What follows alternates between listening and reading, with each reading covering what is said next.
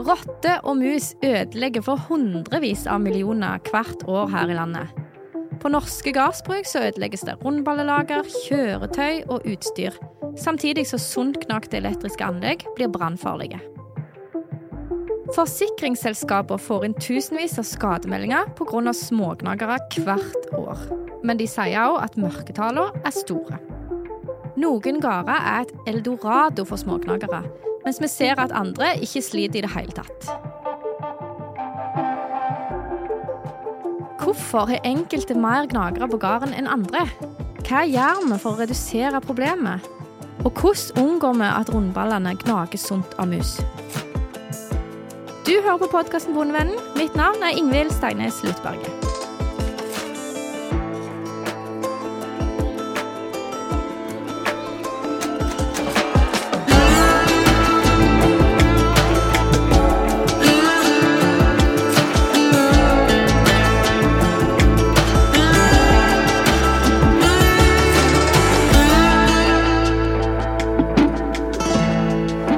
Podkasten Bondevennen blir presentert i samarbeid med Sparebank1 SR-Bank og Tveit Regnskap.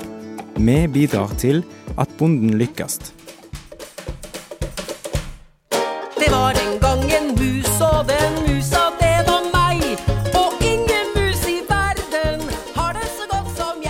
Gjennom jobben min i Norsk landbruksrådgivning så møter jeg bønder som ikke har særlig med problemer med smågnagere, mens ikke andre så får en tidvis store invasjoner. Du hører nå Magnus Haugland. Jeg opplever at noen har nulltoleranse for smågnagere, mens andre ser det som husdyr som bare skal akseptere at en skal leve i sammen med. Vi har snakka med seniorforsker Arnulf Soleng på Avdeling for skadedyrkontroll ved Folkehelseinstituttet. Han har doktorgrad i parasittologi og har forska på ulike typer skadedyr. Og så har han skrevet læreboka som brukes med autorisasjonskursene for bruk av gnagermidler i landbruket. Å bo med masse smågnagere i huset er jo, det er jo ikke helt greit. Eh, De, de gjør jo mekanisk skade, så i hvert fall så biter de over i strømledning, og så, så brenner husene. Ellers så kan de jo bite over eh, vannledninger og sånn også, og, og lage vannskade. Og så er det jo et eh, allergiproblem inne i bildet her. Mange reagerer allergisk på, på smågnagere. Og så er det det med bitt også som noen er bekymra for. Det har ikke vært noe sånn stort problem i Norge. Det er noen få rapporter om, eh, om folk som har våkna med mus oppi senga og opplevd bitt. Eh, Mens fra USA så, så vet vi at, at rottebitt er et mye større problem. Og det sier litt om sånn boforhold i USA, at i mange tilfeller så bor folk dårlig. Så spesielt hvis man har rotter i, i huset sitt og inne i oppholdsrom, så er ikke det greit. Altså det, det, det skal være nulltoleranse, så de dyrene må bort. Vi skal altså ikke akseptere å leve blant smågnagere. Ifølge skadedyrforskriften er en som huseier forplikta til å bekjempe smågnagere. Smågnagere sprer sykdom. For eksempel sprer klatremus og rødmus harepest. Men vi har òg en hel haug med andre sykdommer som spres av smågnagere. Derfor er det eksempel ikke anbefalt å koste opp musaskitt, men heller bruke en våt klut og vaske. I praksis er det ikke så enkelt å få til fjos, så vi ønsker derfor å holde mengden smågnagere og smågnagerskitt nede. Høytrykksspyleren gir mange problemer, for da blir det mye støv som virbles opp. Stort sett så får en bare lette febersymptomer, men et godt tiltak kan være å fukte opp alle flater før man spyler. Det gir mindre støv. Eventuelt så må en bruke støvmaske.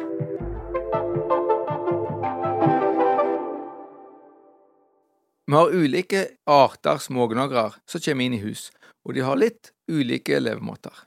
Det er veldig mange arter. Det er en del frittlevende norske arter. Sånn, eh, vi har jo småskogmus og storskogmus. Vi har klattmus, rødmus, markmus, gråsidemus eh, og fjellmarkmus. Det er egentlig alle de frittlevende norske artene som kan komme inn. Og så har vi jo importerte arter også, sånn som eh, husmus og brunrotte. Min erfaring er at det er mye mer rotteproblemer på gårder i nærheten av byer og tettbebyggelse, mens i gristgrendte strøk så er det mer museinvasjoner på høsten, særlig enkelte smågnagerår som er problemet. Brunrotta den er ikke norsk. Og det er jo egentlig litt rart, for På latin så heter han rattus norvegicus, og i mange land så kaller de han bare Norwegian rat, og det betyr jo norsk rotte. Den mest populære forklaringen er at det var svensken Carl von Linné som hata nordmenn så sterkt at han ga brunrotta dette navnet. Men den egentlige forklaringen er nok det at man tidligere mente at det var norske handelsskip som tok med seg brunrotter til de britiske øyene på midten av 1700-tallet, og at nykomlingen da fikk navnet. Nå prater vi oss litt vekk her, men poenget det er at brunrotta er en innført art. Smågnagerartene som ikke hører til her, de er det òg mulig å utrydde fra området. Sånn som brunrotter og husmus, de kan man jo i teorien klare å utrydde fra, fra ei bygning. fordi de bor ofte inne hele tida der. Og, og, da er det mulig å bli kvitt dem helt og unngå at de kommer inn på nytt. Mens de her frittlevende norske musene, det, der må man huske på at de, de står og banker på, på husveggen din hver eneste høst og vil inn. Vi forbinder jo Houston med museinvasjon. Ja, og i sånne tilfeller så er det de ville norske museartene som er hovedproblemet. Husmusa, derimot, den har vi ikke så mye av på den norske landsbygda. Med ville norske mus får vi et fast mønster. De flytter inn på housen, vi starter bekjempinga på vinteren, og på våren så føler vi at vi har lykkes, for da forsvinner musa. Samme hvor dårlig vi er på bekjempelse, så lykkes vi på våren, for da flytter de ut for å bygge bol og formeire seg utendørs. Hvilken museart vi har fått i fjoset, har ofte ikke så mye bety for hvordan vi bekjemper de.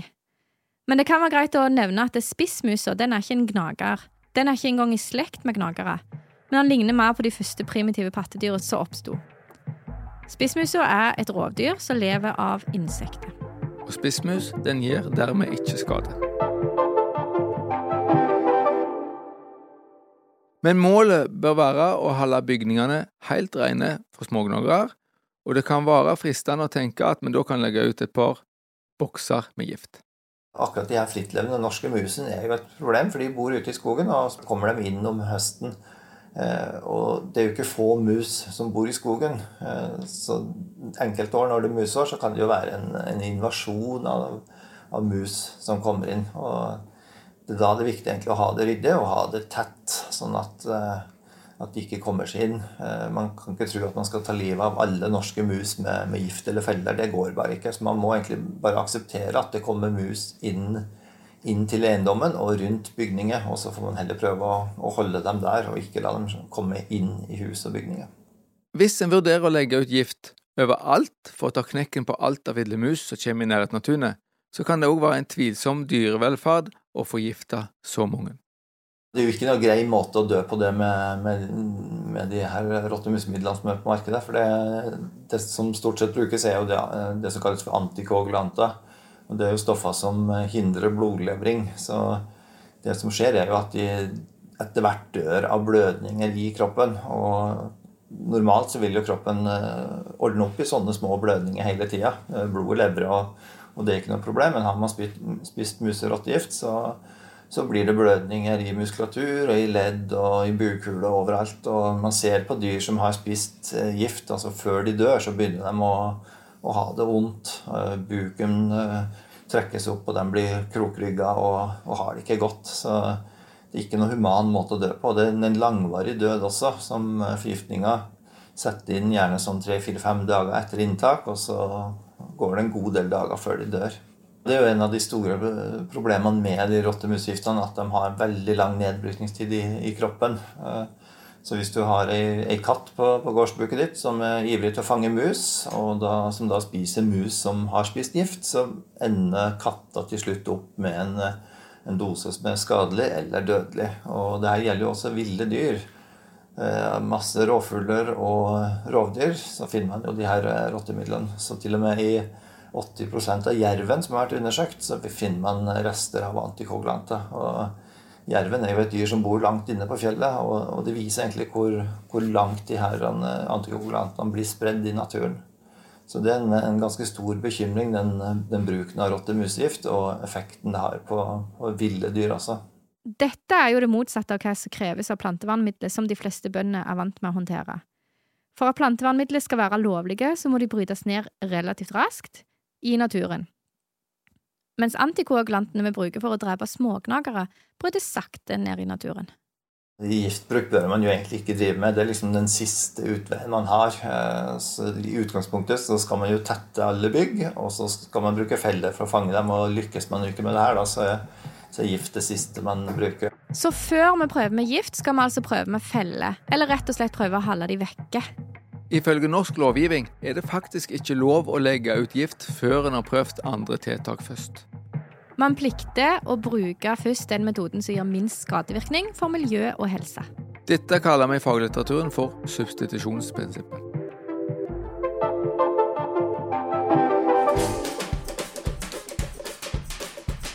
Skal vi begynne med hvordan vi holder smågnagerne vekke? Ja, og der er vi mennesker skrudd sammen sånn at vi alltid ønsker en fix. Det finnes fryktelig mange produkter som skal skremme vekk smågnagere, eller såkalte repellenter. Gjerne ved hjelp av lyder. Plugg disse i kontakten, og vips, så er smådyra vekke. Men når noe høres for godt ut til å være sant, så er det vel ofte det. Yes. Det selges jo masse sånne lydskremmere på markedet, og der er det jo gjort eh, ganske mange sånn vitenskapelige studier som viser at det her ikke har noe effekt. Eh, Det er jo ultralyd de her skal sende ut, og man vet jo da at ultralyd det, det går ikke rundt hjørna eller inn i vegg. Og det er jo ofte sånne steder de dyrene er. Så det er gjort en del forsøk der man har satt ut uh, lydskremmere, og så har man hatt mat i rommet. og man ser jo det at etter noen timer så kommer de dyrene ut og spiser mat, selv om det står en lydrepellent der. Så lydrepellenter er ikke noe som vi kan anbefale. Eh, Men grunnen til at enkelte nok tror at det har en veldig god effekt, det er jo de her norske frittlevende musene som kommer inn om høsten. Og så kjøper man kanskje en lydrepellent om høsten eller vinteren og setter den på. og så, så blir man jo egentlig kvitt problemet naturlig på våren, for da går dyrene ut uansett. Men da er man vel glad fornøyd på de, de pengene man brukte på lydskremmeren, og, og tenker at den virka veldig bra. Skal vi holde smågnagerne vekke fra bygninger og rundballelager, er det en fordel å forstå hvordan disse smådyra lever. De bor jo i, i familiegrupper, alle de dyrene her. Og der er det jo noen som er dominant, og noen som, som er underlegen. Og de underlegne må gjerne ut og spise når de dominante ikke er der. Eh, Og det kan også være sånn at de da blir, eh, blir lettere eksponert for, eh, for farlige ting. Det er en kjent sak at ser du en gnager, så er det ofte ti du ikke ser. For det er ofte bare er de individene som er nederst på rangstigen som må ut og farte, gjerne på dagtid, for å skaffe seg mat. Dyra er jo normalt nattaktive, så ser vi smågnagere på dagtid, så har du gjerne en hel bestand. Ja, det fins noen leveregler for smågnagere. Bare hør her. Når en liten mus skal ut og gå, må hun se seg for å passe på. Det er mange her som ønsker at få en For her er vi med hovedpoenget. Smågnagere er nederst på næringskjeden. Suksessoppskrifta deres er å være små nok til å gjemme seg overalt og formere seg vanvittig fort før de blir spist. Gjennomsnittsmusa lever ikke så mange ukene, og iallfall hvis du blir tvinga ut på tur for å skaffe mat. Da bør hun ha en paraply. Ja, I sangen heter det Må hun se seg for. Men det er faktisk feil, for musa kan ikke se særlig mye, hun er nærsynte. Ei mus som står midt på gulvet eller på en åpen grusplass, er ikke i stand til å se om det står en katt eller en hoggorm en meter ifra han. Dette er noe av forklaringa på at det er relativt lite smågnagere på gardsbruk som er veldig ryddige. Hvis det er ryddig, så er det få gjemmeplasser for, eh, for mus og rotter. Så det å ha det, ha det ryddig er viktig å få ting bort fra husveggen. Det er veldig dumt egentlig å ha vedstabler og ja, containere og plank og alt mulig rart liggende inntil husveggen, for da, da ber man egentlig om å få smågnagere inn dit. Så jo ryddigere man har det, og jo mer åpent og, og, og nakent på en måte, jo, jo bedre er det for å unngå mus. Ideelt sett bør det være en meter bredt felt rundt bygningen som er helt fri for vegetasjon, eller i det minste vegetasjon som er kortkløpt. Å ta en runde med kantklipperen inntil husveggen det er ikke så dumt, i tillegg til at det ser veldig ryddig og fint ut. Ja, hva tenker du om rundballene, da? Skal du liksom ta en runde med kantklipperen inntil deg òg? ja, du ble iallfall kvitt musa og rundballene, men vi spurte Arnulf Solheim om akkurat rundballer. Både mus og, og kanskje spesielt vann, altså det som også mange kaller for jordrotte, kan gnage på de her rundballene. Og, Akkurat hvorfor de gjør det, det- det vet jeg rett og slett ikke. Men de, det er jo sånn at de gnagerne gnager på alt, og mye av gnaginga er rett og slett å undersøke ting. eh, Og se om det er noe spisbart her. Og det er jo grunnen til at de ødelegger ledninger og alt som er. Det er å plassere rundballer på, på en åpen plass og bort fra vegetasjon. For vi ser jo det at de her smågnagerne er ikke veldig fornøyd med å, med å gå over åpne plasser. Eh, Ligger de midt ute på, på et jorde med masse høyt gress, så, så er de helt tilgjengelige for mus. Men eh, på grus eller asfalt så vil de være mye mindre tilgjengelige. Og så vil jeg føye til. Musa angriper mest langs bakken, så lagra med ballene i høyden, vil sjelden de øverste ballene bli angrepet. Det er sant. Toppen av rundballestabelen blir stort sett bare angrepet av det noen kaller for luftens rotter, nemlig måker og kråker. ja, det er jo et nytt problem. Men diesel eller spillolje på lagringsplassen det skal visstnok være et gammelt indianertriks mot mus i rundball. Dette anbefaler vi ikke. Da er det forurensning som vi ikke kan forsvare. Årsaken til at det fungerer, er nok at vegetasjonen dør, og at smågnagerne ikke finner skjul rundt ballene. Ønsker vi å holde vegetasjonen vekk rundt rundballene, så anbefaler vi heller glyfosat. Og husk å legge ut gift rundt rundballestabler rundt jordkantene. Det er ikke tillatt. Så her gjelder det kun å gjøre det minst mulig trivelig for smågnagerne. Denne episoden er sponsa av Felleskjøpet Rogaland Agder. Felleskjøpet arbeider hver dag for din lønnsomhet som bonde, og for lokal og norsk matproduksjon. Ta kontakt med en av våre konsulenter, eller gå inn på nettsidene våre bondekompaniet.no. Til nå så har vi snakka om opprydning og fjerning av vegetasjon for å gjøre miljøet utrivelig for smågnagere. Det som kalles sanitasjon. Det er jo et greit ord å lære seg for de som skal ta eksamen i gnagerbekjempelse. Det neste vi skal tenke på for å bli kvitt smågnagere, er om det er mulig å holde disse små beistene ute. Det vi kaller sikring. Det er veldig lett å å sitte på kontoret og si at man skal sikre bygg eh, mot mus og, og rotter. Men så er det jo sånn at mus kommer inn i sprekk på, på 6 mm eh, eh, høyde. Og, da sier det seg sjøl at det å sikre bygg det kan være en utfordring. Men eh, jeg pleier jo å si det at man trenger ikke å sikre alt på samme dag eller samme uke. Og man kan jo bruke mange år på å sikre, men for hvert hull man har tetta, jo mindre sannsynlig er det at dyr kommer inn. Men så er det jo sånn at man må jo sikre sånn at de dyrene ikke gnager også. Og vanlig byggeskum det er ofte ikke nok, for det, gnager dem så fort gjennom. Så man må ofte ut med metallnetting, og det fins egne sånne musebørster og musebånd som man kan ha rundt boligen. Så, så sikring er en veldig viktig del av det man gjør. Men da skal man samtidig passe på at man ikke tetter igjen sånn at det blir for tett der det skal være utlufting. For da blir det ofte fuktskade, og da, da får man et nytt problem. Nyere boliger er bygd for å være tette for smågnagere. Men det gjelder òg mange nye fjos. Disse mangler ofte bare lite grann for å bli helt musatette. I praksis kommer musene ofte inn gjennom porter som står åpne. Men til færre plasser som musa kan komme inn, til vanskeligere blir det for henne. Møter du òg på åpne, sterile områder, så vil du mistrives. Og så vil katten få bedre sjanse til å få has på musa. Hvis musa må krysse åpne flater, så er katten mye bedre sjanse til å få has på henne.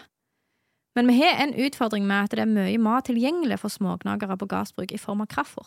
Vi ser en del, eh, både rotter og mus, har lagt sin elsk på kraftfôr. og det, Som navnet sier også, er det jo et ypperlig fôr for, for smågnagere også.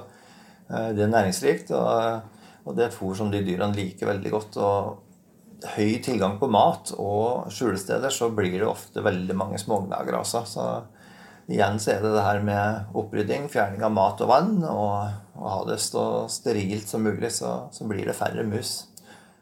Holder det så sterilt og ryddig som mulig, så blir det færre mus.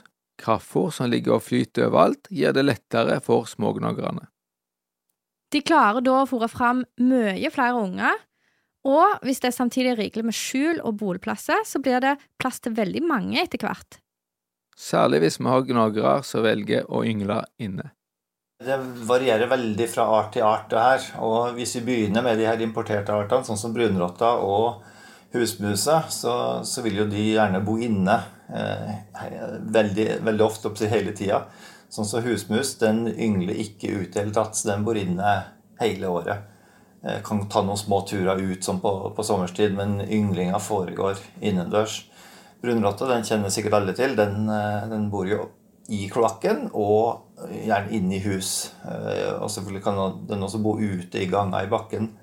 Eh, Begge de artene der har veldig kort aksjonsradius, så frem til de har mat og vann og, og boligplass i nærheten. Så det kan være husmus som bor under en europall, og det er faktisk hele aksjonsradiusen den har gjennom hele livet, hvis det er mat og vann der, eller spesielt mat. Husmusa trenger faktisk ikke å drikke. Tenk å bo hele livet under en europall.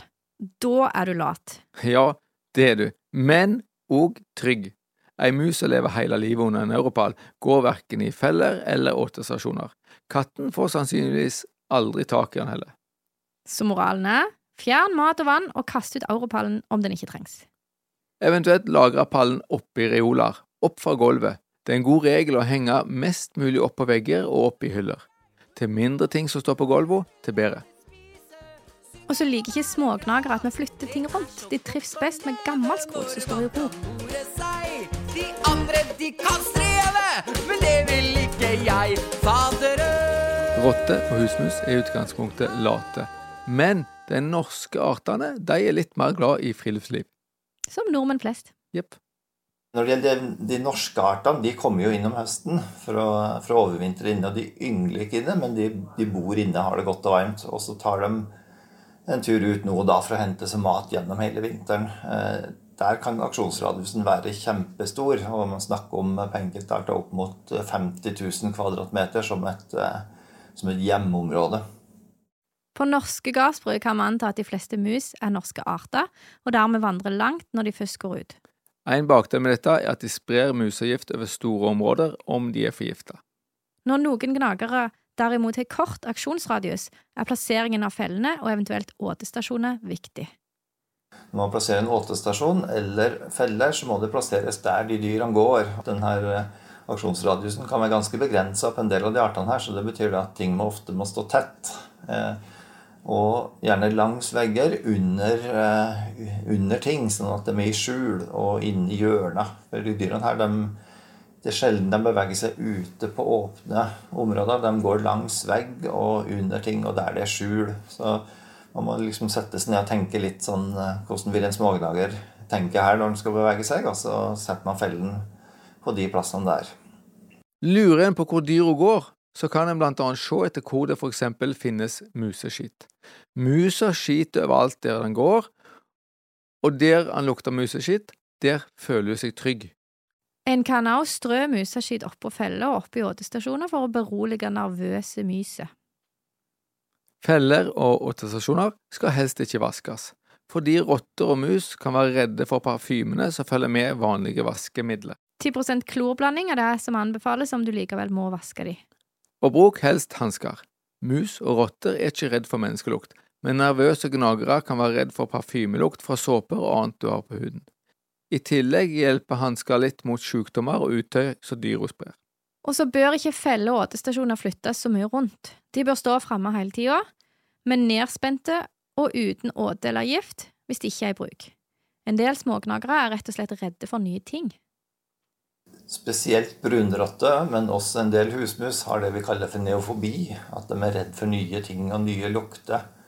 Eh, og det er problematisk hvis man skal prøve å fange de dyrene her, da, for det kan være sånn at de skyr feller og, og, og den åte man har lagt ut i, i, mange, mange uker. Så akkurat på de to artene der så må man ha ganske eh, god tålmodighet når man setter ut feller. Og man kan liksom ikke vente at de skal gå i fella første dagen.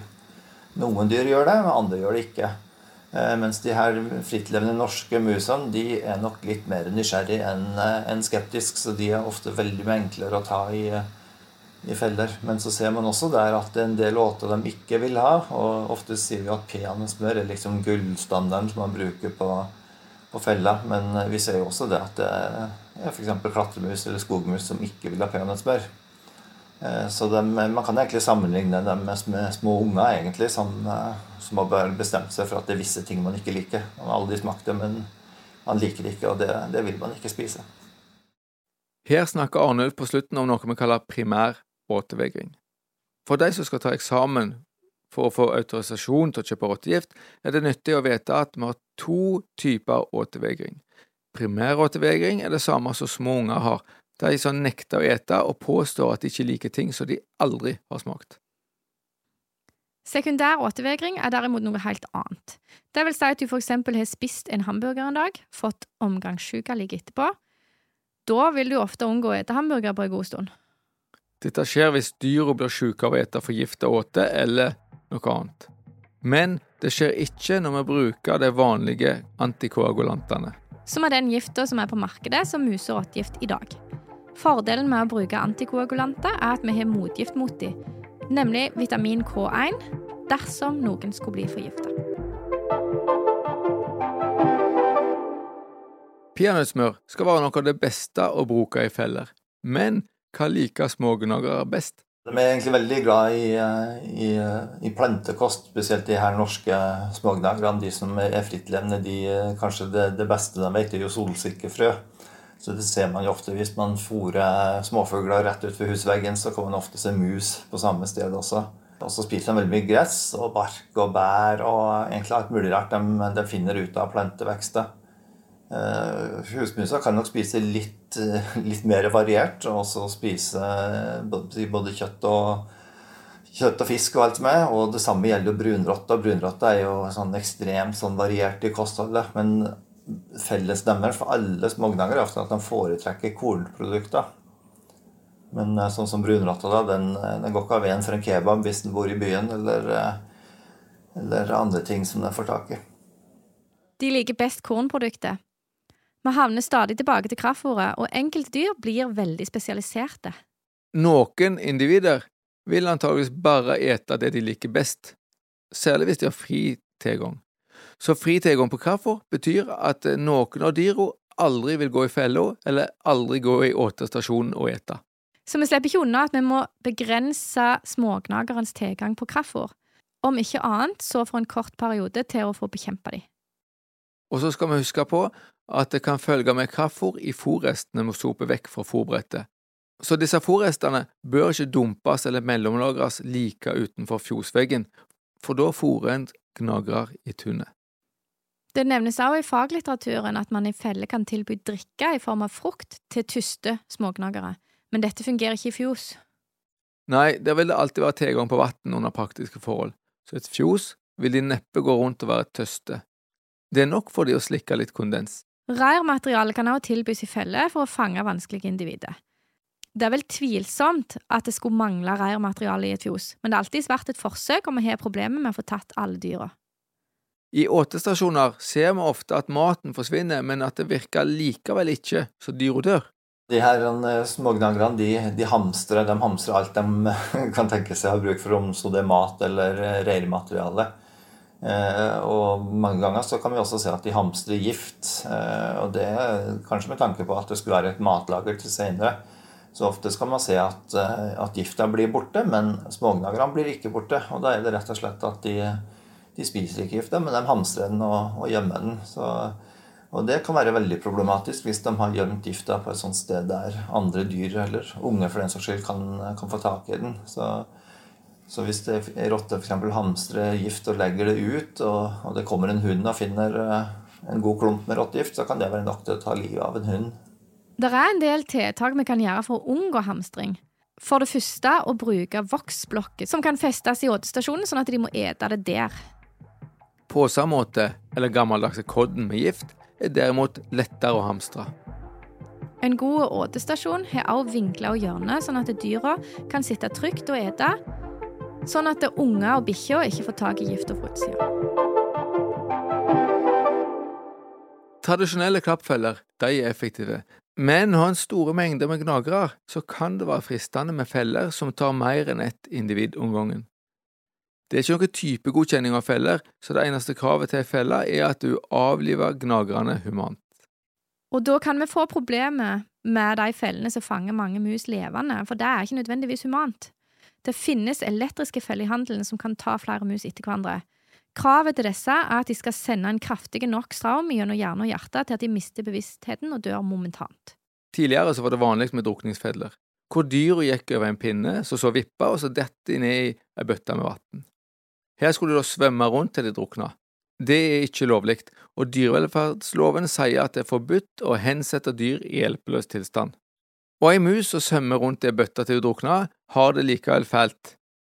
Akkurat like fælt som ei bikkje sier det samme, eller folk for den del. Det samme gjelder limfeller, hvor dyra sitter fast til de tyster i hæl.